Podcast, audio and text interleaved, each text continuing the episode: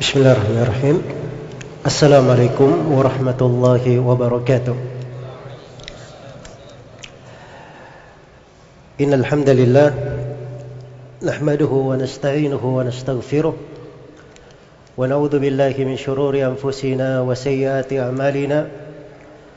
من يهده الله فلا مضل له ومن يضلل فلا هادي له.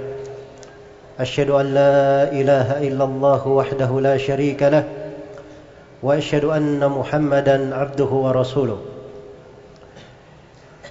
يا أيها الذين آمنوا اتقوا الله حق تقاته ولا تموتن إلا وأنتم مسلمون. يا أيها الناس اتقوا ربكم الذي خلقكم من نفس واحدة وخلق منها زوجها وبث منهما رجالا كثيرا ونساء واتقوا الله الذي تساءلون به والأرحام إن الله كان عليكم رقيبا. يا أيها الذين آمنوا اتقوا الله وقولوا قولا سديدا. يصلح لكم أعمالكم ويغفر لكم ذنوبكم. ومن يطع الله ورسوله فقد فاز فوزا عظيما أما بعد. فإن أصدق الحديث كتاب الله وخير الهدي هدي محمد صلى الله عليه وسلم وشر الأمور محدثاتها فإن كل محدثة بدعة وكل بدعة ضلالة وكل ضلالة في النار. Kaum muslimin dan muslimat rahimani wa rahimakumullah. Suatu kaidah di dalam kehidupan. Allah Subhanahu wa taala sebutkan di dalam Al-Qur'an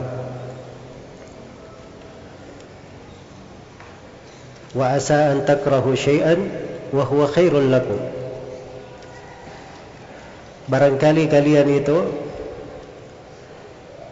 tidak menyenangi sesuatu padahal dia adalah kebaikan untuk kalian. Di dalam kehidupan ini kadang berlalu bersama kita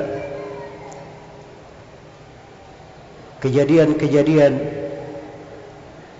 atau kadang menimpa diri kita, saudara-saudara kita, umat Islam secara umum dari musibah dan malapetaka memang dilihat dengan kasat mata bahwa itu adalah suatu hal yang pahit hal yang menyedihkan perkara yang tidak menggembirakan. Tapi kadang di belakang hal tersebut Allah sisipkan untuk kita hal-hal yang baik. Perkara-perkara yang bisa membuat kita lebih dekat kepada Allah Subhanahu wa taala ingat akan kehidupan akhirat dan mengambil andil dari kehidupan akhirat. Maka inilah sebagian dari keindahan hidup seorang mukmin dan mukminah. Dan Rasulullah sallallahu alaihi wasallam telah menyatakan di dalam sebuah hadis yang diriwayatkan oleh Imam Muslim dari sahabat Suhaib bin Sinan Ar-Rumi beliau berkata ajaban li amril mu'min. Inna amrahu kullahu lahu khair. Wa laysa dhalika li ahadin illa lil mu'min. Sangat menakjubkan perkara seorang mukmin itu. Betul-betul mengherankan mengagumkan. Bagaimana itu seluruh perkaranya adalah kebaikan. Dan ini tidak terjadi untuk siapapun kecuali untuk seorang mukmin saja. Fa in asabathu sarra syakar fakana khairan lah. Kalau dia mendapatkan kesenangan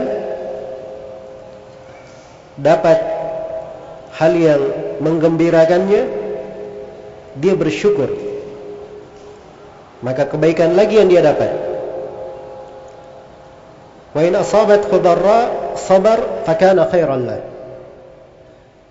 Dan kalau dia tertimpa oleh bahaya hal yang tidak menyenangkan maka dia bersabar. Maka kebaikan lagi yang dia dapatkan. Jadi kehidupan seorang mukmin dia berputar ke mana pun dia selalu di atas pintu ibadah. Selalu terbuka untuknya lahan ketaatan. Selalu dia bisa memperoleh kebaikan. Selalu bisa memperoleh kebaikan. Karena itu bagi seorang mukmin dan mukminah ujian dan cobaan itu bukanlah hal yang membuatnya terpuruk. Bukan perkara yang membuatnya jatuh. Tidak bisa bangun lagi. Bahkan kadang hal tersebut bisa menjadi motivasi yang membuatnya lebih baik lagi. Lebih kuat lagi. Lebih kuat lagi. Karena itu seorang mukmin diibaratkan di dalam sebuah hadis diriwayatkan oleh Imam Al-Bukhari dan selainnya seorang mukmin itu bagaikan sebuah pohon yang batangnya tidak kaku, lentur. Kalau tertimpa oleh angin dari arah barat misalnya, maka dia condong ke arah timur. Begitu anginnya berlalu balik lagi pohonnya. Datang angin dari arah barat misalnya, dari arah timur misalnya, dia ke barat. Dia ke barat, setelah itu balik lagi. Iya. Nah, itu seorang mukmin. Memang ketika kena musibah, kadang musibah itu berpengaruh. Tapi dia kembali lagi. Adapun seorang kafir dibaratkan seperti pohon yang kaku. Ada angin begitu, kelihatan tidak bergerak. Ya. Kelihatan tidak bergerak. Tapi begitu ada angin yang lebih besar lagi, patah tidak bisa balik lagi. Maka ini dari kelembutan Allah Subhanahu wa taala, hikmah dan rahmatnya untuk orang-orang yang beriman. Dibukakan untuk mereka dari pintu-pintu ketaatan, pintu-pintu kebaikan di mana pun dia berada. Iya. Karena itulah pada kejadian-kejadian yang merimpa saudara-saudara kita musibah-musibah yang melanda dari kaum muslimin di mana pun mereka berada di atas belahan muka bumi ini itu harusnya kita membuat sebuah renungan di dalamnya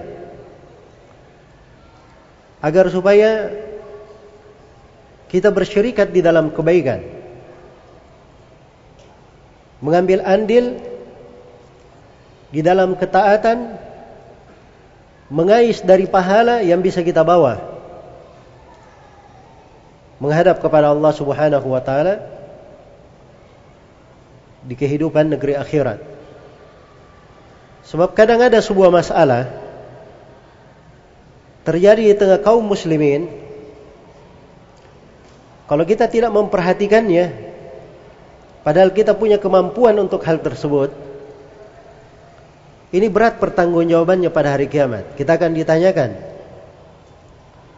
tentang hal tersebut karena itu telah datang beberapa riwayat celaan terhadap orang yang tidak perhatian terhadap perkara umum kaum muslimin. Tidak memiliki perhatian terhadap perkara umum yang melanda kaum muslimin. Apalagi subhanallah ketika terjadi ujian dan cobaan ini apabila kita merenunginya dengan seksama dan kita memahaminya sesuai dengan uraian-uraian Al-Quran dan As-Sunnah maka akan terlihat di dalamnya pintu-pintu kebaikan untuk orang yang tertimpa musibah ataupun orang yang tidak tertimpa musibah. Iya. Semuanya ada pintu kebaikan di dalamnya. Kita misalnya yang alhamdulillah kita bersyukur kepada Allah Subhanahu wa taala diberi kesehatan, diberi afiat, diberi keselamatan dan berada di dalam ketenangan dan semoga Allah Subhanahu wa taala menjaga nikmat-nikmat ini atas kita semua dan menghindarkan kita semua dari segala musibah dan petaka. Ya. Maka kita misalnya di dalam kondisi yang seperti ini itu terbuka suatu lahan ketaatan yang sangat besar. Beda dengan yang lainnya. Karena amalan itu dia kadang berlipat ganda menjadi lebih besar apabila ditari oleh beberapa sebab. Iya. Saya beri contoh misalnya. Kalau kita di bulan Ramadan, di 10 hari terakhir di bulan Ramadan, menghidupkan 10 malam itu lebih besar daripada awal bulan dan pertengahan bulan. Sepuluh hari pertama bulan Dhul Hijjah menghidupkan dari amalan ketaatan itu lebih besar daripada apa? Waktu-waktu lainnya. Kenapa? Apa yang membuatnya lebih besar? Ada keutamaan dari sisi masa, dari sisi waktu. Itu sebab namanya. Itu sebab. Sama seseorang ketika dia beramal, ketika keikhlasannya sangat besar, maka keikhlasan ini kadang membuat amalan kecil menjadi sangat besar.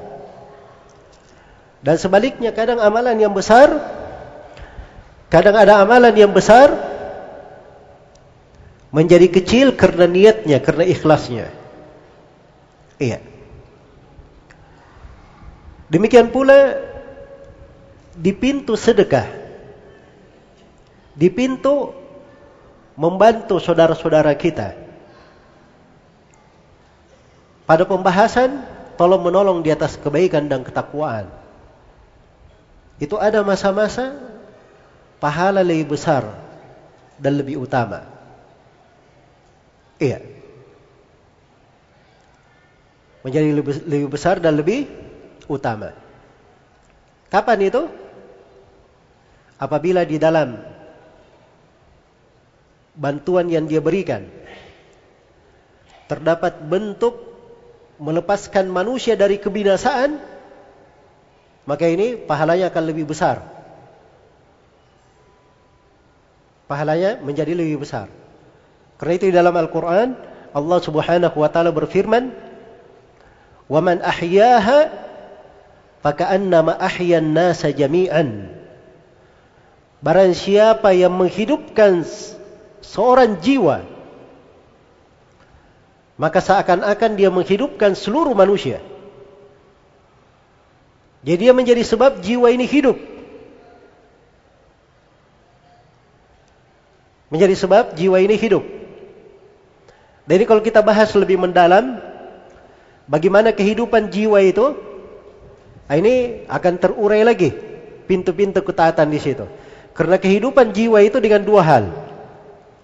Kehidupan yang pertama dan ini kehidupan yang hakiki, kehidupan dengan ilmu dan keimanan. Karena itu orang yang mengajarkan ilmu agama, mengajak manusia kepada ketaatan, ini adalah orang yang paling pertama masuk di dalam kategori ayat. Dia menghidupkan jiwa. Dia menghidupkan jiwa.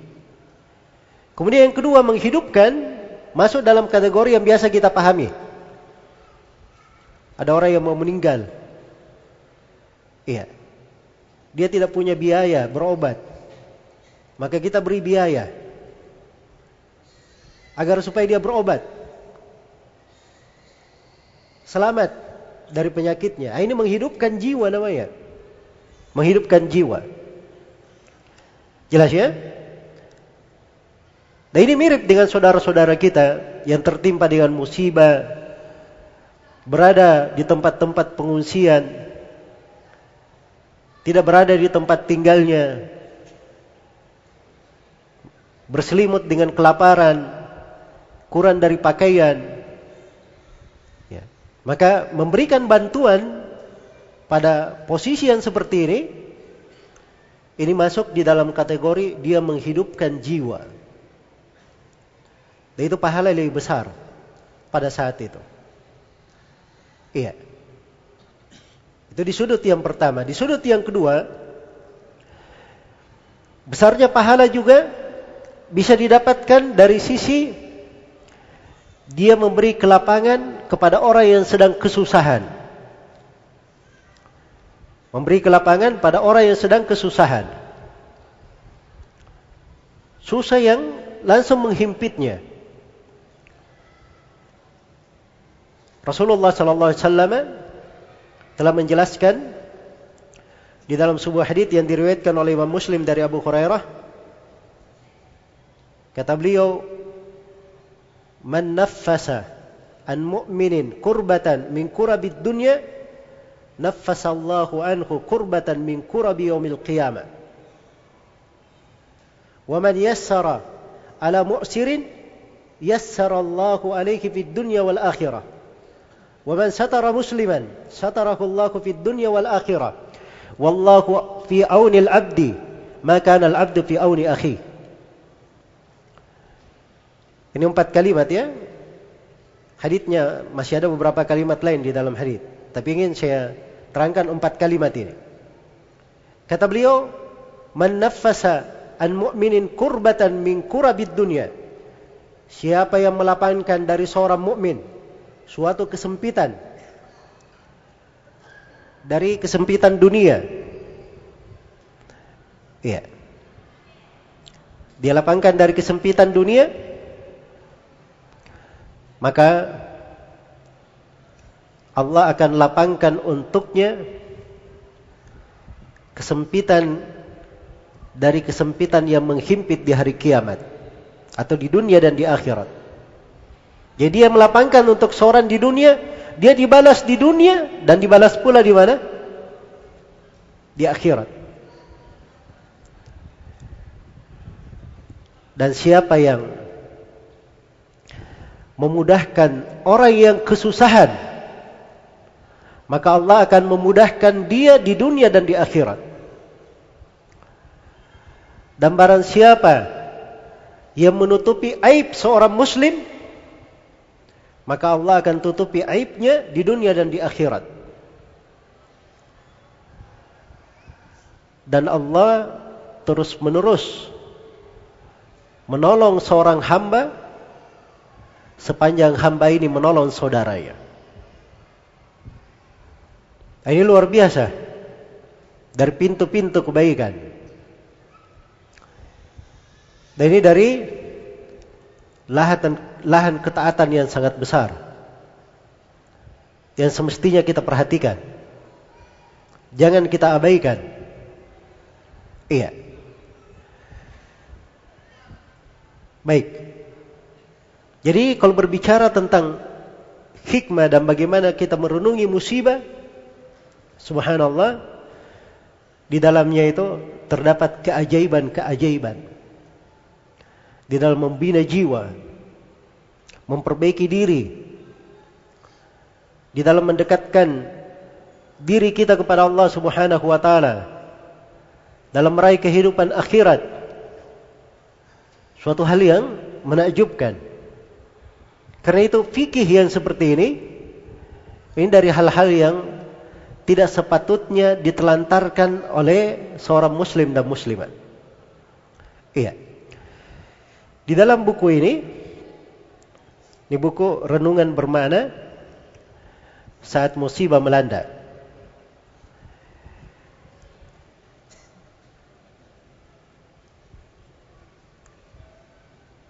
Di dalam buku ini saya terangkan ada enam pembahasan pokok. Pembahasan yang pertama tercakup di dalam pendahuluan saya uraikan bahwa musibah itu beraneka ragam bentuknya. Dan tidak mesti seseorang itu kena musibah karena dia mendapatkan siksaan dan petaka dari Allah. Mungkin saja seorang itu kena musibah untuk mengangkat derajatnya dan meninggikan kedudukannya di sisi Allah Subhanahu wa taala. Sebagaimana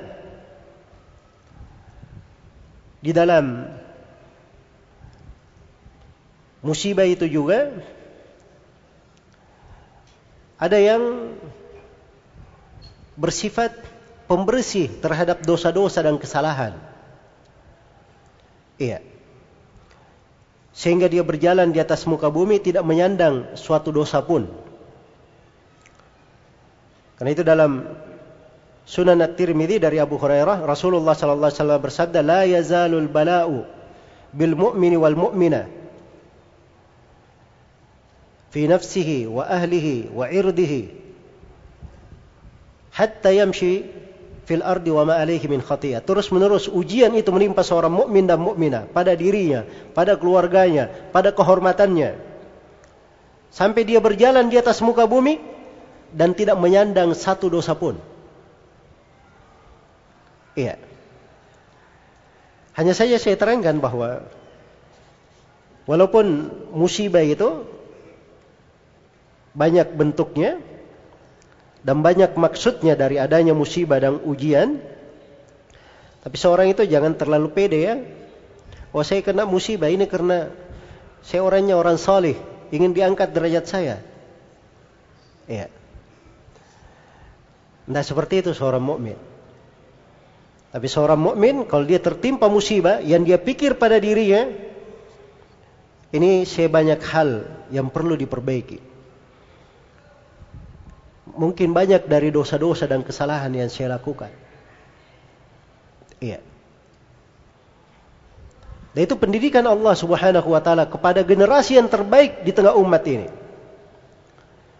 Ketika para sahabat Rasulullah sallallahu alaihi wasallam mengalami kekalahan di perang Uhud. Kejadiannya disebut dalam Al-Qur'an. Di surah Ali Imran awalamma asabatkum musibah قد asabatum mithlaiha qultum anna hadha ketika kalian tertimpa oleh musibah padahal sebelumnya kalian sudah memperoleh dua kali kemenangan. Atau kalian sudah dua kali mengalami hal yang sama. Setelah itu kalian berkata kenapa bisa musibah ini datang? Maka Allah berfirman, perhatikan ini pembicaraan ditujukan kepada para sahabat. Kul huwa min indi anfusikum. Musibah itu datangnya disebabkan karena diri-diri kalian sendiri. Iya. Jadi bagi kita memang musibah itu jangan ketika ada orang yang kena musibah kemudian dikatakan kepadanya, kamu ini betul-betul harus banyak bertobat dan beristighfar. Ya. Terlalu banyak dosamu, makanya kena musibah terus. Nah, ini kan memfonis saja sembarangan. Jelas ya? Musibah itu banyak sebabnya. Tapi seorang yang tertimpa musibah, kewajibannya seperti ini, jangan terlalu percaya diri. Oh ini saya no, orang solih. Ya, Allah ingin meninggikan derajat saya. Tapi harusnya dia banyak introspeksi diri. Dan itu salah satu renungan ketika musibah itu menimpa seorang mukmin dan mukminah. Kemudian ada pembahasan yang kedua, saya terangkan tentang sebab-sebab kenapa musibah dan petaka itu datang. Ya, melanda manusia. Dan ini dari pembahasan penting ya untuk diperhatikan. Saya uraikan di situ tentang sebab-sebabnya. Iya. Ini silahkan dibaca sendiri. Karena waktu di pertemuan ini tidak cukup untuk saya jelaskan.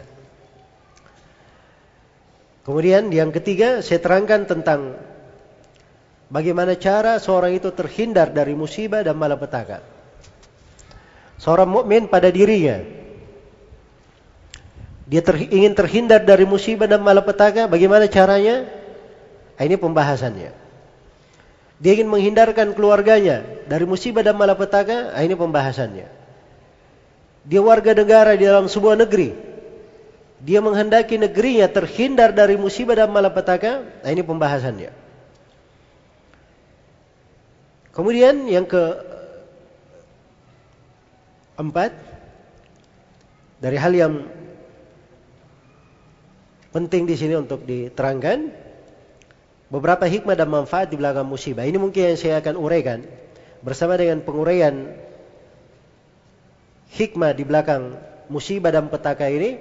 Saya akan singgung juga pembahasan-pembahasan yang lainnya secara ringkas. Tapi saya akan fokus di pembahasan ini untuk di pertemuan kita ini. Iya. Bagaimana seorang itu ketika terjadi musibah dan malapetaka, dia berpikirnya panjang. Renungannya mendalam. Iya. Dia tidak melihat kejadian yang pahit di depannya saja. Justru dia memperoleh manfaat. Memperoleh manfaat dan kebaikan-kebaikan di belakangnya. Ini yang saya katakan tadi, fikih di dalam kehidupan. Harus kita miliki.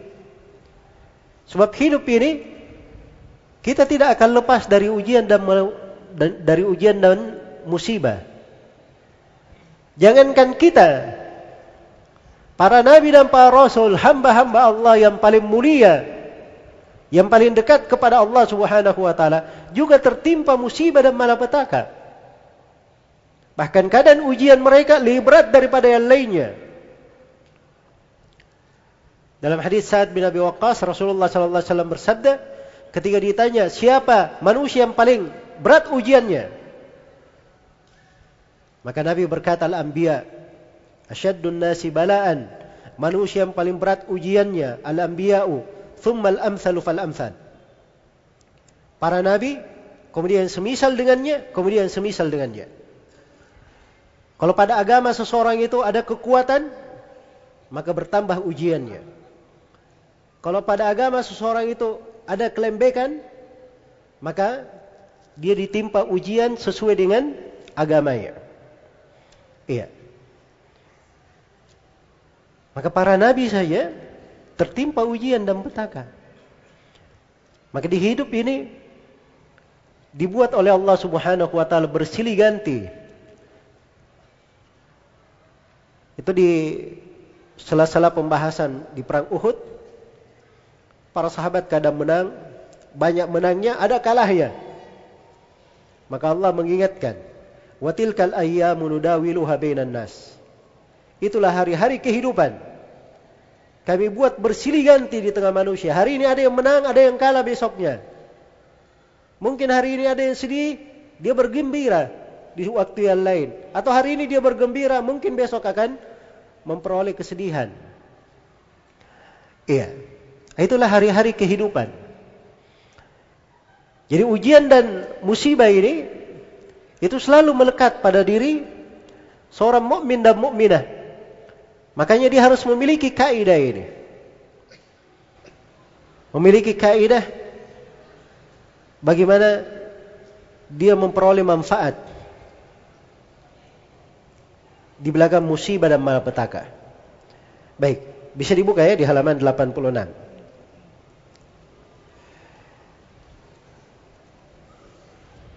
Di situ saya sebutkan di dalam pembahasan ini ada 21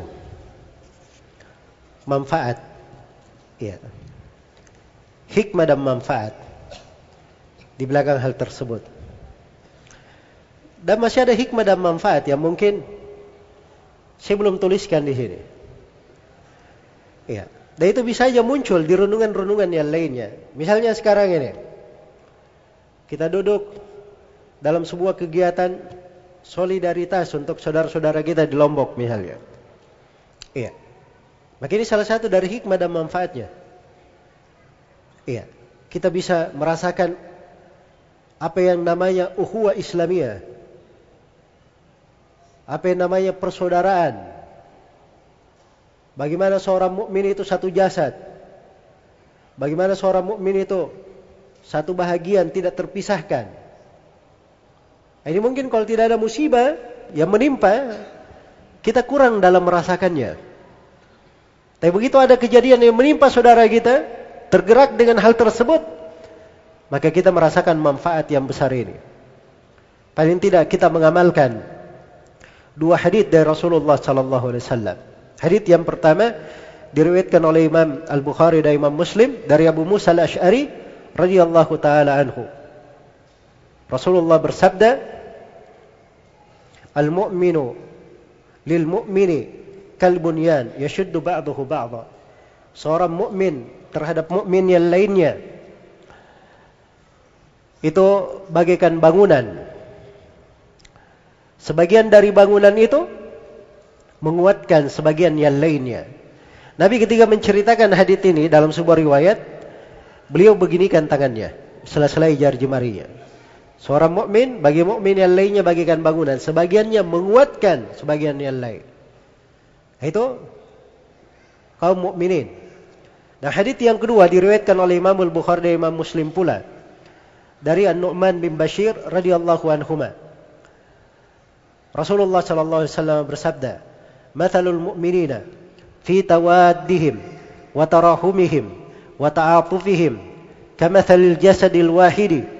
Idza ishtaka minhu 'udhu tada'alahu sa'irul jasad bis sahari wal humma. Perumpamaan kaum mukminin dalam hal saling cinta mencintai, kasih mengasihi, sayang menyayangi, bagaikan satu tubuh. Apabila satu bagian dari tubuh ini mengeluh, ini bagikan satu tubuh ya, tangannya misalnya patah, ya, ini mengeluh satu tangan ini. Maka dirasakan oleh seluruh badannya. Apakah badannya semuanya menjadi panas atau dia tidak bisa tidur? Ya. Itulah seorang mukmin di dalam kehidupannya. Dia juga merasakan apa-apa yang dirasakan oleh saudara-saudaranya. Dan itu menunjukkan kelembutan di dalam hati. Dan menunjukkan rahmat pada diri seseorang. Iya pada diri seseorang. Dan manfaat yang seperti ini sangat besar. Kalau dia senang perhatian kepada saudaranya, maka suatu saat apabila dia tertimpa musibah juga, akan ada orang-orang yang digerakkan oleh Allah untuk memperhatikannya. Iya. Dan ini hal-hal sederhana kadang kita lupakan ya. Itu ada hadis di dalam riwayat Muslim. Iya disebutkan bahwa mami muslimin da'a li akhihi bi dhahril ghaib illa qala al malaika amin walaka bimithlihi. Tidak ada seorang muslim pun yang mendoakan untuk saudaranya di kondisi tidak ada yang tahu, dia doakan untuk saudaranya. Kecuali malaikat akan berkata, amin. Semoga Allah kabulkan doa kamu itu dan untuk kamu juga yang semisal dengannya. Kata Imam Nawawi rahimahullah dan selainnya, siapa yang ingin berdoa dan dikabulkan untuknya, dia pakai doa itu untuk saudaranya. Nanti akan diaminkan untuk saudaranya, diaminkan juga untuk dia. Ini dari keindahan kehidupan seorang mukmin dalam bersaudara. Dalam perhatian kepada apa? Kepada saudaranya. Kepada orang-orang yang beriman. Akan membawa kebaikan untuknya. Jadi perhatikan ya, saya sebutkan sekarang hikmah-hikmah muncul begitu saja. Saya belum terangkan di dalam buku ini. Jadi ini hanya yang saya sebutkan 21 di sini. Ini berdasarkan apa yang diterangkan oleh Al-Imam Al-Is bin Abdis Salam di dalam sebuah buku beliau, risalah kecil berjudul Fawaid Al-Balwa wal Mihan. Dan juga ada keterangan Ibnu Qayyim di dalam Zadul Ma'ad dan di Tariqah di Tariq Al-Hijratain. Ya, beliau menguraikan juga beberapa hikmah di belakang musibah. Iya. Kemudian saya tambah dengan beberapa hal yang lain sehingga menjadi 21 di sini. Yang pertama dari hikmah di balik terjadinya musibah dan cobaan yang pertama agar hamba mengenal keagungan rububiyah Allah Azza wa Jalla dan kemuliaannya. Iya. Jadi kalau dia tertimpa musibah, ini tampak bagaimana keagungan Allah Subhanahu wa taala dalam rububiyahnya. Allah itu kalau menghendaki sesuatu tidak ada yang bisa menolaknya. Tidak ada yang bisa melawannya. Kalau Allah ingin menimpakan kepada seorang musibah, tidak ada yang bisa menghindarkan musibah itu dari orang yang tertimpa. Iya. Wa idza arada Allahu biqaumin su'an fala maraddalah. Wa ma lahum min dunihi min wal.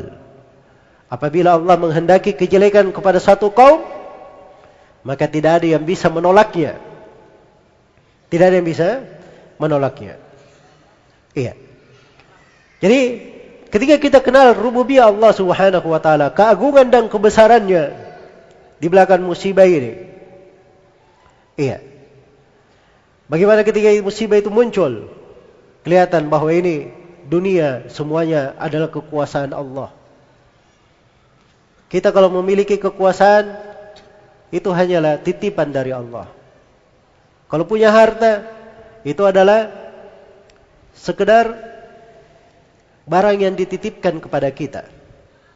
Iya, bukan milik kita. Tapi itu adalah milik Allah Subhanahu wa taala. Kemudian yang kedua, ya, dari manfaatnya juga mengenal kehinaan dan kerendahan diri dalam menegakkan ibadah kepadanya. Iya. Ini saya sebutkan ayat di sini, alladzina idza asabatkum musibah qalu inna lillahi wa inna ilaihi raji'un. Ini ayat sering kita dengar kan ya? Kalau ada yang kena musibah, dia baca apa?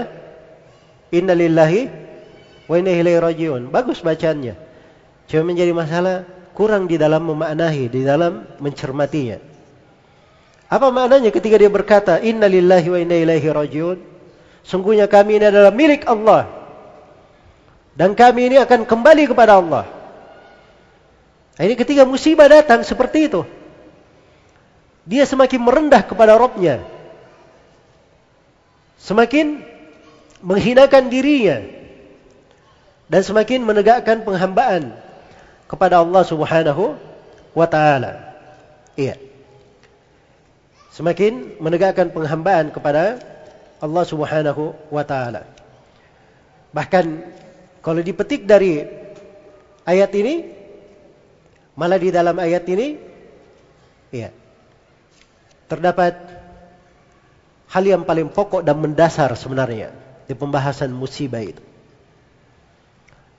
Adalah seorang selalu memperbaharui dari tauhidnya dan semakin menjaga kemurnian dari tauhidnya penghambaannya dan ibadahnya kepada Allah.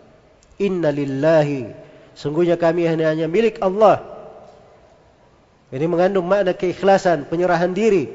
Sama dengan ayat kul inna salati wa nusuki wa mahyaya wa mamati lillahi rabbil alamin la syarika lahu. Wa bidzalika umirtu wa awwalul muslimin. Katakanlah wahai Nabi Muhammad sesungguhnya salatku sembelihanku hidup dan matiku hanya untuk Allah Rabbul Alamin tidak ada syarikat baginya. Demikian saya diperintah. Dan saya adalah orang yang paling pertama berserah diri kepada Allah Subhanahu wa taala. Iya. Baik jadi musibah-musibah ini ini akan membuat seorang itu semakin indah ibadahnya kepada Allah. Ya. Semakin dia tahu kadar dirinya bahwa dia ini hamba.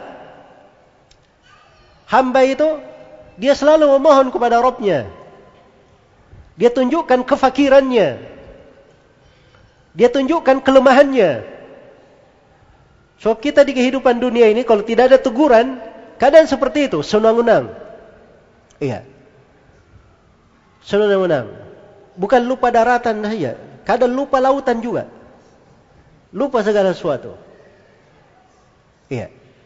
Baru diberi sedikit dari harta, sudah lupa semuanya.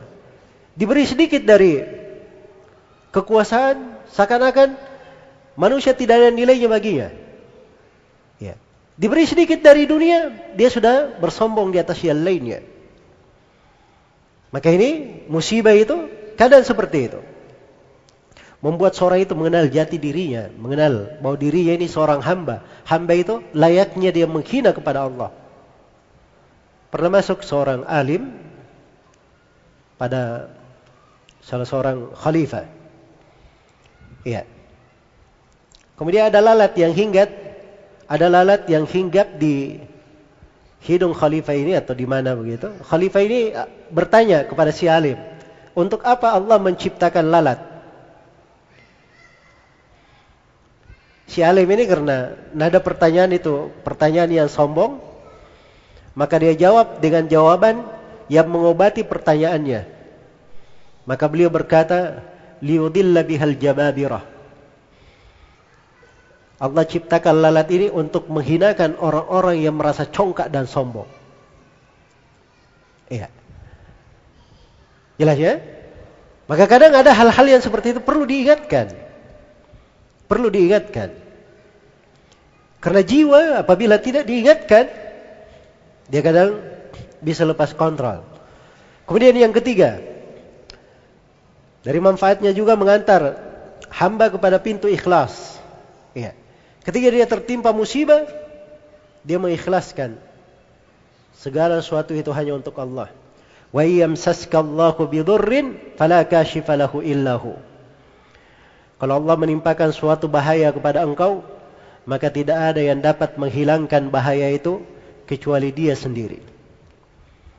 Jadi kalau yang memiliki cuma Allah, apa yang kita lakukan? Iya. Ikhlas hanya untuk Allah Subhanahu wa taala. Karena itu kaum musyrikin di masa dahulu, mereka itu berbuat kesyirikan di masa tenang. Ya. Di masa damai, tidak ada musibah, berbuat kesyirikan. Tapi kalau mereka ditimpa musibah, dalam suatu kesusahan, itu ikhlas. Hanya berdoa kepada Allah. Itu kaum musyrikin di masa dulu. Saya sebutkan di sini ya, salah satu ayat di surah Al-Ankabut. Faidah rakibu fil fulki, da'ullaha mukhlisina lahuddin. Iya. Falamma najjahum ilal barri idahum yusyrikun. Apabila mereka mengarungi lautan, maka mereka berdoa kepada Allah mengikhlaskan agama hanya untuknya. Jadi kalau di tengah lautan datang badai yang sangat besar, ya, tidak ada kaum musyrikin itu berdoa kepada selain Allah. Berdoanya ikhlas kepada Allah. Iya. Karena musibah itu mengarahkan ke sana sebenarnya mengarahkan ke sana. Tapi subhanallah di masa sekarang ini kita ketemukan orang-orang yang kalau ketimpa musibah malah berdoanya bukan kepada Allah. Berdoanya kepada apa? Selain Allah Subhanahu wa taala. Iya. Dan ini termasuk buruknya kesyirikan di masa kini. Ya, ini syirik zaman now. Ya. Seperti ini bentuknya. Jelas ya? Kalau di masa dahulu beda. Kaum musyrikin itu, kaum musyrikin di masa dahulu, kalau di tempat di kena musibah, mereka ikhlas hanya kepada Allah. Kalau di masa sekarang, subhanallah. Malah tambah menjadi-jadi kesyirikannya. Iya. Saya pernah baca sebuah buku judulnya Bagaimana saya dapat hidayah kepada tauhid. Penulis buku ini mengisahkan salah satu kisahnya, dia pernah perjalanan pakai perahu dari Yaman ke Jeddah. Maka di tengah jalan ter, terjadi badai yang sangat dahsyat. Badai yang sangat dahsyat. Maka orang-orang di atas perahu mulai berdoa kepada orang-orang yang diagungkan. Ya Syekh Fulan, Ya Habib Fulan, Ya Wali Fulan, Ya... Itu doanya. Maka didengar oleh orang ini, dia belajar tauhid sudah. Dia nasihati bahwa berdoa itu hanya kepada Allah saja. Apa kata mereka? Oh, rupanya kamu ini yang menjadi gara-gara kita kena musibah. Ya. Malah dia dianggap menjadi apa? Sebab kena musibah. Kata si penulis buku itu tadi hampir saja saya dilempar ke laut sama mereka. Tapi alhamdulillah Allah selamatkan saya ada awak kapal yang melerai dan menyembunyikan saya. Iya. Baik. Dan subhanallah musibahnya setelah itu lautannya jadi tenang. Akhirnya orang-orang yang berbuat kesyirikan ini semakin jatuh di dalam kesyirikannya. Nah, itu salah satu bentuk Allah kalau ingin menyesatkan seseorang dibuat dia semakin lapan di dalam kesesatannya. Iya. Semakin lapan di dalam kesesatannya. Dan ini banyak ya hal-hal yang seperti ini. Baik. Karena itulah musibah ini harusnya membuat seorang itu mengantar dia untuk lebih ikhlas kepada Allah. Lebih ikhlas kepada Allah Subhanahu wa taala. Kemudian yang keempat, agar si hamba bertobat dan kembali kepada Allah. Ini juga dari manfaatnya, membuka untuk kita semua pintu taubat dan inabah kepada Allah. Dan ini dua jenjang ibadah. Taubat dan inabah kepada Allah Subhanahu wa taala. Mungkin taubat dan inabah ini jarang dia ingat kalau di kondisi biasa. Tapi begitu ada musibah, ujian, cobaan, maka dia bertobat kepada Allah Subhanahu wa taala, berinabah. Paling tidak ada kekhawatiran di dalam dirinya. Iya. Jangan sampai ia tertimpa musibah juga. Kalau dia tidak menyadari dosa dan kekeliruannya tidak menyadari dosa dan kekeliruannya. Iya. Baik. Kemudian yang kelima dari manfaatnya agar supaya hamba ini berdoa dan berserah diri kepada Allah Subhanahu wa taala. Ini dari manfaat juga kadang membawa kita untuk banyak berdoa dan lebih berserah diri kepada Allah Subhanahu wa taala. Iya.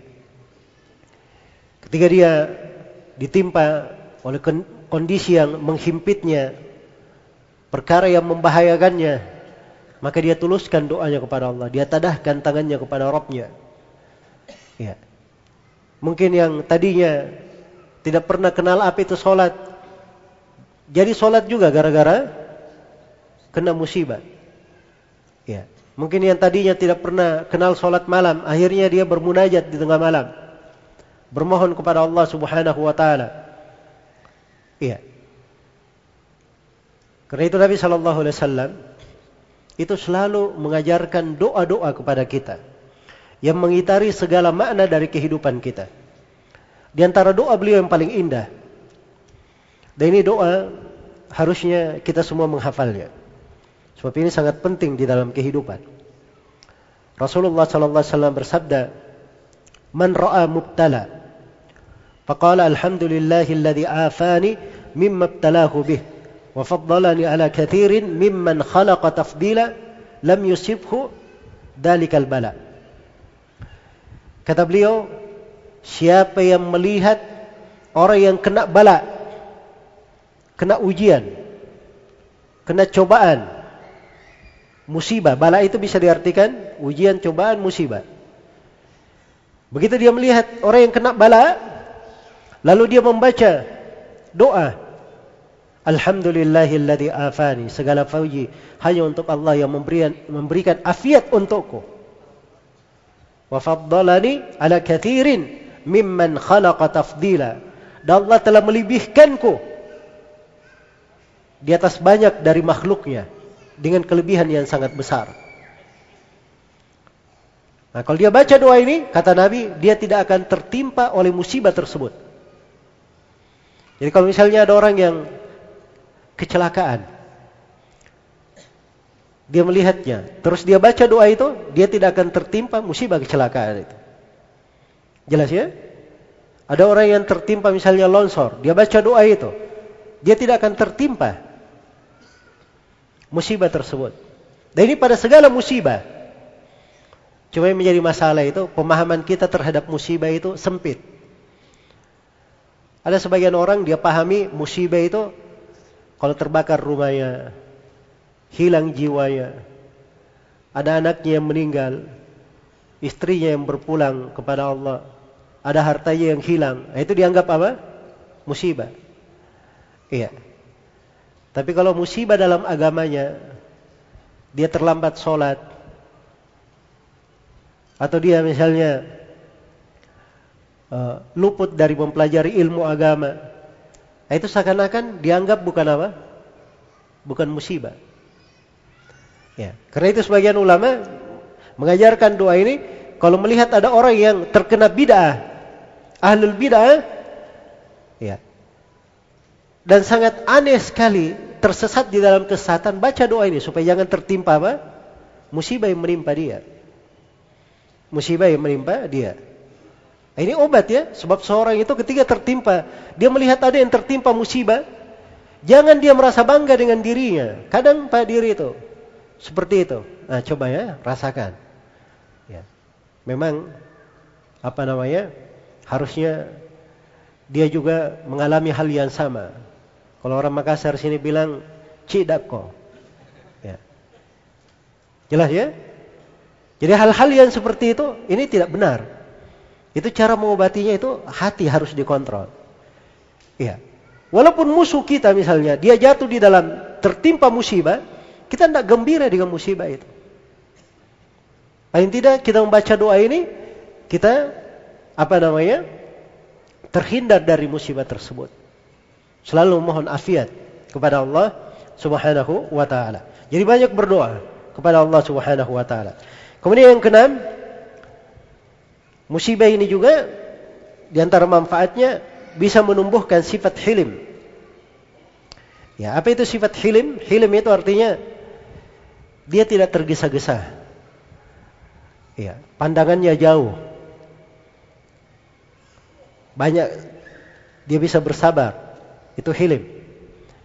Jika dia dicela, dia tidak langsung balas mencela. Ada orang kalau dicela langsung dia balas mencela itu sumbu pendek namanya. Baru dibakar langsung meledak. Ya. Kalau hilim tidak seperti itu. Iya. Dia dicela malah kadang bertambah senyum. Jauh sudut dia melihat.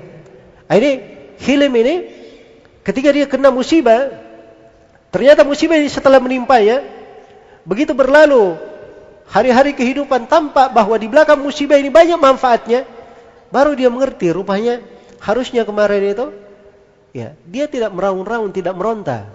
Harusnya dia sabar saya. Harusnya dia lebih pandai di dalam hidupnya memandang lebih jauh lagi. Ya. Maka ini sifat yang sangat mulia. Sifat yang sangat mulia.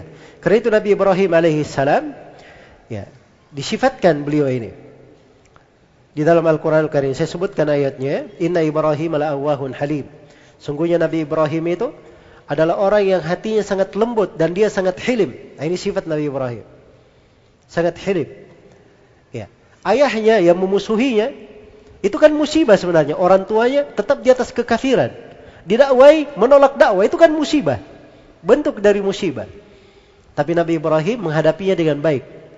Malah dia mendoakan orang tuanya supaya diampuni. Tapi Allah Subhanahu wa taala menegur Nabi Ibrahim akan hal tersebut bahwa orang yang mati dalam kondisi kafir dan tampak bahwa dia adalah musuh Allah itu tidak boleh didoakan. Tidak boleh didoakan. Jadi adanya doa Nabi Ibrahim alaihissalam itu itu janji beliau. Ketika beliau meninggalkan ayahnya, beliau berkata, nanti saya akan doakan. Ya. Jadi jadi beliau pernah janji, beliau laksanakan janjinya. Jelas ya? Maka itu disebut sebagai hilim. Disebut sebagai apa? Hilim. Maka ini pada saat musibah kadang melatih seseorang untuk seperti itu. Ya, hidup ini perlu latihan ya, sama itu petinju. Lihat petinju ya. Ya. Petinju itu kalau dia sudah terlatih kena pukul terus mukanya, lama-lama dia tebal sudah. Kena pukul nggak terasa lagi. Ya. Jelas ya? Mungkin dipukul keras dikatakan ini bagus juga dia usap-usap saya. Ya. Nah, itu kadang musibah seperti itu. Kalau seorang misalnya ada yang tertimpa musibah, terus dapat musibah lagi, ujian lagi, ujian lagi, akhirnya dia sudah terbiasa. Dia sudah terbiasa dengan hal tersebut. Baik, saya pernah lihat ada sebagian koki, ya, diangkat wajan itu pakai tangannya, tidak pakai pengalas. Ini baru apa namanya dipanggang ini wajahnya di atas api, diangkat saya. Ya. Sebab dia sudah terbiasa, tangannya itu sering dilatih memegang yang panas-panas. Akhirnya sudah terbiasa dengan menyentuhnya. Jelas ya? Maka hal-hal yang seperti ini itu kadang bisa membuat seseorang itu lebih kuat. Karena itu selalu dikatakan oleh sebagian ahli hikmah, musibah-musibah yang menimpa seorang hamba itu itu bagikan pukulan-pukulan. Pukulan-pukulan yang menimpa seorang mukmin itu tidak membunuhnya, tapi membuat dia semakin kuat. Membuat dia semakin kuat dan membuat dia terbiasa dengan hal tersebut. Baik. Kemudian yang ke yang ketujuh dari hikmah di belakang musibah dan petaka adanya sifat memberi maaf kepada orang-orang yang tertimpa musibah. Iya. Baik. Jadi ketika ada musibah ini, ya, mungkin sebagian orang yang antara dia dengan saudaranya ada permusuhan, percekcokan, tapi ketika saudaranya kena musibah, wah sudah, akhirnya dia kasihan, sudahlah, saya maafkan saya. Ya, saya maafkan. Akhirnya dia pun jatuh di dalam akhlak yang mulia. Maaf. Dan memaafkan ini luar biasa. Wa jaza'u sayyi'atin sayyi'atun mithluha faman afa wa aslaha fa ajruhu 'ala Allah. Balasan orang yang berbuat jelek bisa dibalas kejelekan semisal dengannya. Tapi siapa yang memaafkan dan mengadakan perbaikan, maka pahalanya ditanggung oleh Allah Subhanahu wa taala. Kemudian yang kedelapan, mendidik diri untuk bersabar. Iya. Dan ini kesabaran adalah ibadah yang sangat agung di sini. Ibadah yang sangat agung. Iya. Bahkan di banyak kondisi musibah itu dimasukkan pembahasan-pembahasan sabar di situ. Karena dia adalah ibadah yang punya keterkaitan khusus dengan ujian-ujian dan cobaan. Dalam ketaatan ada ujiannya. Dalam kemaksiatan ada ujiannya. Dalam menerima ketentuan dan takdir Allah ada juga ujiannya. Ada juga ujiannya. Karena itu kalau seorang diberi sabar, ini pemberian yang sangat luas. Kata Nabi sallallahu alaihi wasallam, "Wa may yatasabbar yusabbirhu Allah, wa ma u'tiya ahadun ata'an khairan wa awsa'a min as-sabr." Barang siapa yang berusaha bersabar, Allah akan jadikan dia sebagai orang yang bersabar. Ini berusaha ya. Dia menyabarkan dirinya. Dia berusaha. Maka Allah akan bantu dia menjadi orang yang bersabar. Iya. Karena itu tidak perlu khawatir seorang itu kalau dia ingin membuat kebaikan, dia jalan dulu. Jalan. Jangan tunggu dia lengkap, dia kumpul semuanya baru jalan, tidak. Kadang sebuah ketaatan dia mulai. Ketika dia mulai Allah akan mudahkan untuknya. Allah akan mudahkan untuknya. Siapa yang berusaha untuk bersabar, Allah akan menjadikan dia untuk menjadi orang yang bersabar. Dan tidaklah seorang hamba diberi pemberian yang lebih baik dan lebih luas daripada kesabaran. Ini pemberian sangat luas sekali. Iya. Karena itu banyaknya musibah apa pun yang menimpa, kalau dia diberi kesabaran, maka sabar ini bisa menaungi semuanya. Bisa menaungi semuanya. Jadi sabar ini sangat luas sekali. Tidak ada batasannya yang bisa dicakup di dalam kesabaran. Ya kalau ada yang berkata sabar itu ada batasannya, itu bukan sabar namanya. Baik, kemudian yang kesembilan. Dari manfaat di belakang musibah adalah mengugurkan dosa dan kesalahan. Ya. Ini saya sebutkan ya. Hadith di sini, "Mayusibul mu'min min wasabin wala nasabin wala saqamin wala hazanin hatta al-hammi yahumuhu illa kuffira bihi min sayiati." Tidaklah seorang mukmin ditimpa oleh sakit terus-menerus, keletihan, penyakit, kesedihan, hingga gunda gulana yang menyusahkannya. Kecuali akan digugurkan darinya kesalahan-kesalahannya. Kemudian yang ke sepuluh, dari manfaatnya kegembiraan. Bergembira dengan adanya sejumlah manfaat di belakang musibah. Nah, ini al-farah namanya. Bergembira. Iya. Nah ini tingkat renungan lebih mendalam lagi, jenjang ibadah lebih tinggi lagi. Iya. Jenjang ibadah lebih tinggi. Kalau sabar tadi, sabar itu kena musibah, jiwanya itu dia tahan. Tidak memberontak. Memang di dalam jiwa ada sesuatu yang meluap, tapi dia bisa tahan. Itu sabar namanya. Kalau farah tidak, dia bergembira. Tidak ada berontak, dia gembira dengan itu. Iya. Jelas ya? Dan ini Dikatakan oleh Nabi sallallahu alaihi wasallam wa in kanu la yafrahuna bil bala kama tafrahuna bir raha. Sungguhnya para nabi itu sangat bergembira dengan musibah sebagaimana kalian bergembira dengan kemudahan.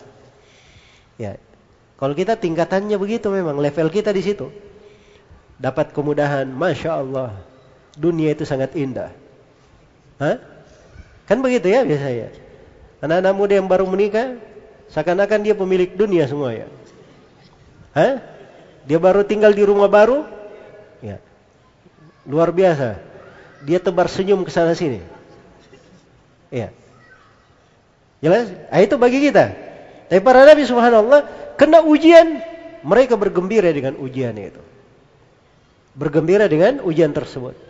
Jelas ya? Nah, ini menunjukkan bahwa di belakang ujian dan cobaan itu ada hal-hal yang sebenarnya kalau dipahami ilmunya bisa membuat suara itu bergembira. Baik, yang ke-11. Dari manfaatnya juga seorang bisa bersyukur terhadap musibah yang menimpa. Ini kesyukuran namanya. Syukur ini jenjang yang paling tinggi kata para ulama. Iya. Apa namanya? Syukur ini adalah jenjang yang paling tinggi. Ya, kalau sabar tadi kan jiwanya memberontak, dia tahan. Kalau syukur tidak ada berontak pada jiwanya. Dia bergembira, malah bersyukur kepada Allah Subhanahu wa taala akan hal tersebut. Ini lebih tinggi lagi. Iya. Karena dia sadari dan dia mengetahui bahwa di belakang musibah ini banyak sel dari kebaikan dan manfaatnya. Kemudian yang kedua belas, menemukan rasa rahmat dan ibah terhadap mereka yang tertimpa musibah. Baik ini tadi saya sebutkan ya. Kemudian yang ketiga belas, uh, mengenal besarnya nikmat afiat. Dan ini juga saya sebutkan tadi dari doa yang dibaca. Ini doanya ya. Jadi diharapkan semua yang hadir ini kalau lepas dari majelis dia hafal doa ini. Nah, baik. Ini mengenal nikmat afiat itu penting. Seorang diberi afiat oleh Allah, diberi keselamatan, tidak ditimpakan kejelekan. Nah, itu nikmat. Dia kenal dari nikmat tersebut. Keempat pahala yang besar yang disiapkan untuk di akhirat. Nabi memberi pernyataan umum. Kata beliau, "Mayyuridillahu bihi khairan yusib minhu." Siapa yang Allah kehendaki kebaikan padanya, maka Allah akan timpakan musibah padanya. Jadi siapa yang Allah kehendaki kebaikan untuknya, Allah akan timpakan untuknya apa? Musibah. Iya. Tapi ingat ya, ini musibah, jadi kebaikan itu ada ketentuannya. Ya. Apabila dia ridha dengan ketentuan Allah, menerima musibah itu, bersabar di dalamnya, Adapun kalau dia kena musibah, sudah mencak-mencak sana sini, ya, ribut di sana sini, baru setelah itu akhirnya pasrah bersabar.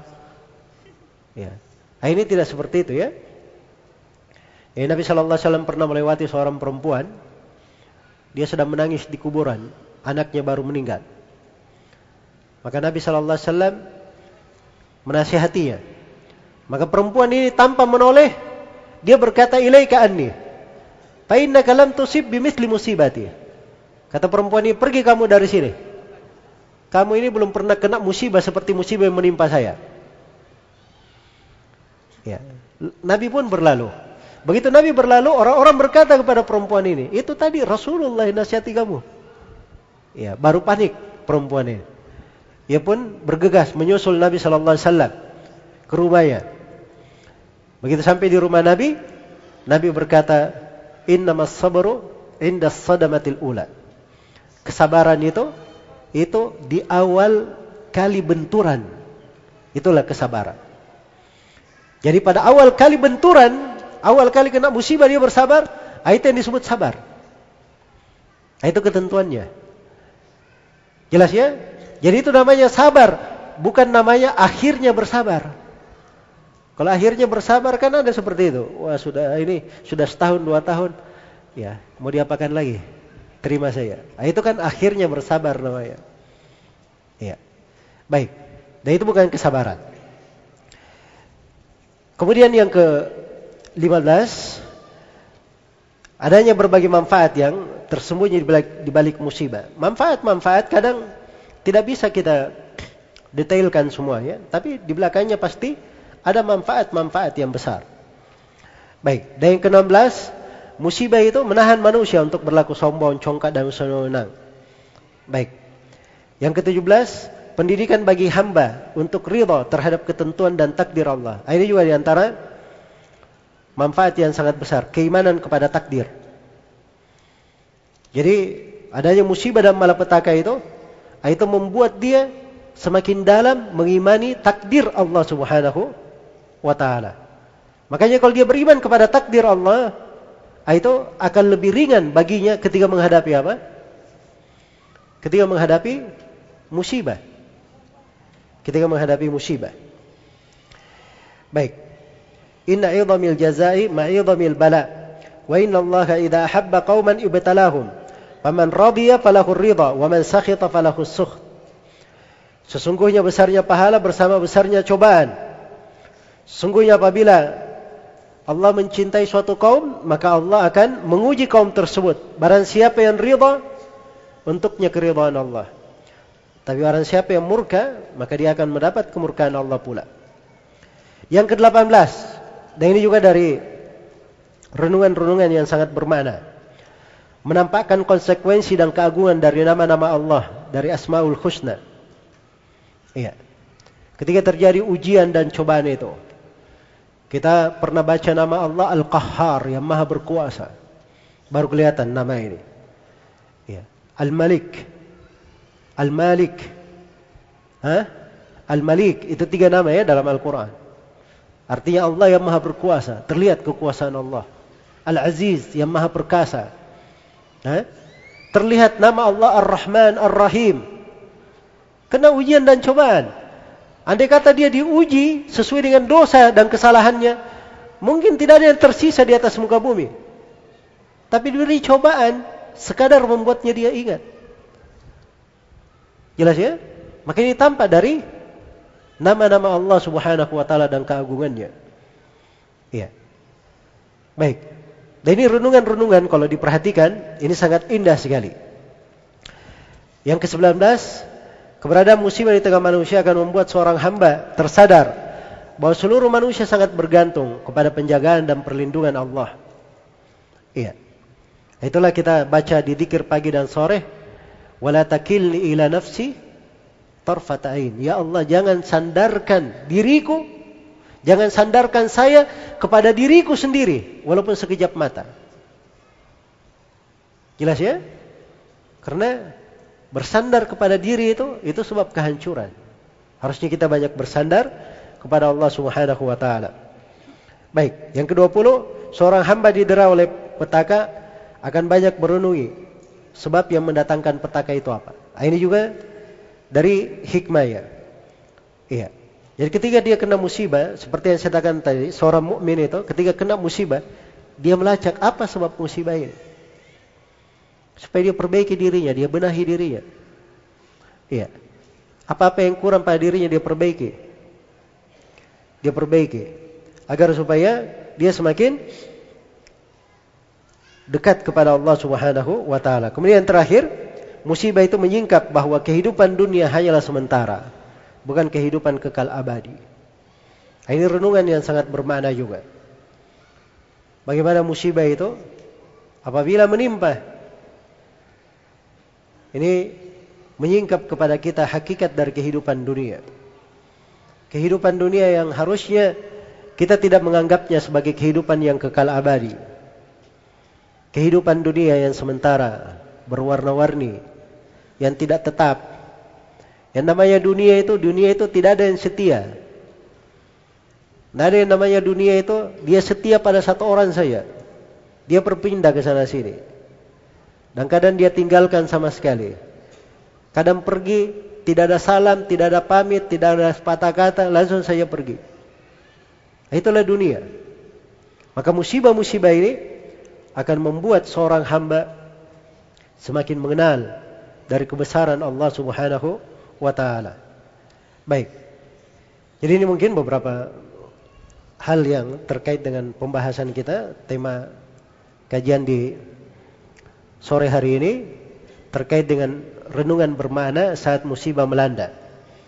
Dan sebagaimana yang diumumkan bahwa ini kegiatan adalah Kita maksudkan agar supaya kita semua memberi perhatian kepada kejadian-kejadian yang menimpa sebagian dari saudara-saudara kita yang memang sangat perlu untuk diberi dari bantuan khususnya untuk saudara-saudara kita yang berada di Lombok. Iya.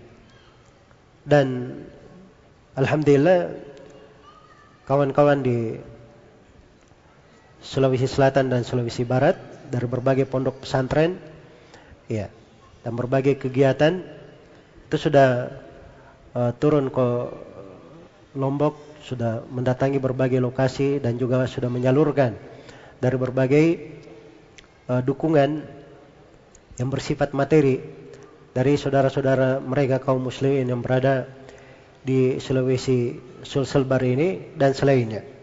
Mudah-mudahan Allah Subhanahu wa taala menjadikan hal tersebut sebagai suatu kebaikan untuk kita semua dan semoga Allah Subhanahu wa taala memasukkan ke dalam hati kita semua dari, dari rasa cinta, rasa rahmat, keimanan dan tauhid yang membuat kita itu bergerak di dalam memanfaatkan dari kejadian-kejadian yang terjadi walaupun itu sifatnya musibah tapi ternyata kita bisa membuka untuk diri kita lahan-lahan ketaatan dan pintu-pintu kebaikan di dalam hal tersebut. Dan tak lupa saya ingatkan ya bahwa ini ada buku yang dibagi. Ya memang buku ini sengaja dibagi dan materinya sengaja kita bahas sebab musibah itu bisa menimpa siapa saja. Bisa datang kapan saja. Iya.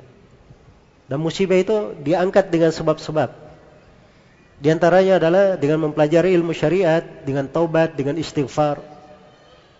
Iya bermunajat kepada Allah, berdoa kepadanya agar supaya terangkat dari musibah-musibah itu. Dan kita terhindar dari hal tersebut. Maka kita berharap dengan kita mempelajari dari kaidah-kaidah yang disebutkan di dalam buku ini seputar musibah dan petaka, ya. Mudah-mudahan ini bisa menjadi uh, kebaikan untuk kita semua. Dan perlu juga disampaikan kepada para jemaah bahwa buku ini juga Ya sekarang ini dalam proses pengiriman juga ke Lombok dan insyaallah taala di dua pekan mendatang ya saya sendiri juga kawan-kawan yang lain insyaallah taala akan apa namanya juga berangkat ke Lombok kemudian uh, berpartisipasi di sana di dalam membantu saudara-saudara kita dan merasakan sebagian dari apa yang mereka rasakan. Iya. Kalau ada ingin bergabung silahkan. Bisa di catatkan namanya bersama dengan panitia nanti. Ya. Uh, apa namanya? Siapa ingin bergabung datang langsung ke sana. Bukan untuk piknik ya. Ya. Tapi untuk apa? Untuk kita bersama-sama meringankan dari beban saudara kita. Iya. Dan ini saya pikir untuk buku ini saya lihat sisi penting karena bantuan itu ada dua jenis. Ada yang dari sisi materi, fisik, dan ada dari sisi maknawi. Nah, ini dari sisi maknawi jangan kita telantarkan ya. Ya, bahkan kadang dari sisi maknawi itu bantuan yang paling besar sebenarnya. Karena dari situ adanya kesadaran, terbuka pintu taubat yang membuat musibah itu terangkat. Iya. Membuat musibah itu terangkat. Karena itu pernah suatu hari terjadi gempa di kota Medina di masa Umar bin Khattab radhiyallahu taala. Maka kata Umar bin Khattab radhiyallahu taala kepada penduduk Medina, wahai penduduk Medina, perbaiki tobat dan istighfar kalian. Kapan terjadi gempa sekali lagi di kota Medina, saya tidak akan tinggal bersama kalian selama-lamanya di sini. Iya. Dan subhanallah semenjak Umar hidup, setelah itu tidak ada lagi gempa di kota di kota Madinah. Jadi ini kadang ada renungan dari arah sana.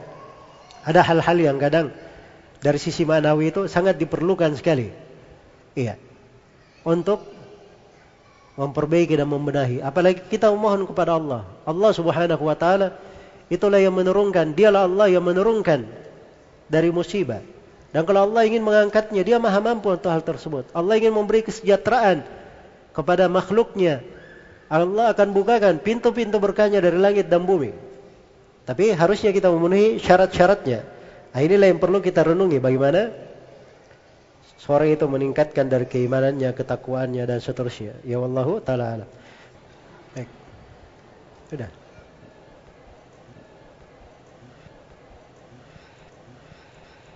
Ya baik, jadi saya akhiri dari kalimat yang saya sampaikan tadi. Mudah-mudahan apa yang kita uh, dengarkan di kegiatan sore hari ini dari renungan serta pelajaran-pelajaran yang kita bisa petik bisa bermanfaat untuk kita semua dan semoga kita semua tergolong kepada orang-orang yang ikut andil di dalam kegiatan apa saja yang dengannya tersebar kebaikan-kebaikan itu. Seorang di dalam berbuat kebaikan apabila dia tidak mampu untuk langsung berbuat kebaikan dengan dirinya, misalnya dia memberi bantuan dengan harta atau dengan tenaganya atau dengan pikirannya, maka dia bisa mengambil sebab-sebab yang lain Ya. Dia bisa tunjukkan pintu kebaikan kepada orang lain. Diajak orang lain untuk bersyirikat di dalam kebaikan. Diajak orang lain untuk bersyirikat di dalam apa? Di dalam ketaatan. Kalau misalnya dia tidak bisa memberi bantuan dari harta misalnya, diajak orang lain untuk menyumbang misalnya. Itu adalah hal yang baik. Dan itu bukan meminta-minta namanya. Sebab Nabi Wasallam melakukan hal yang sama.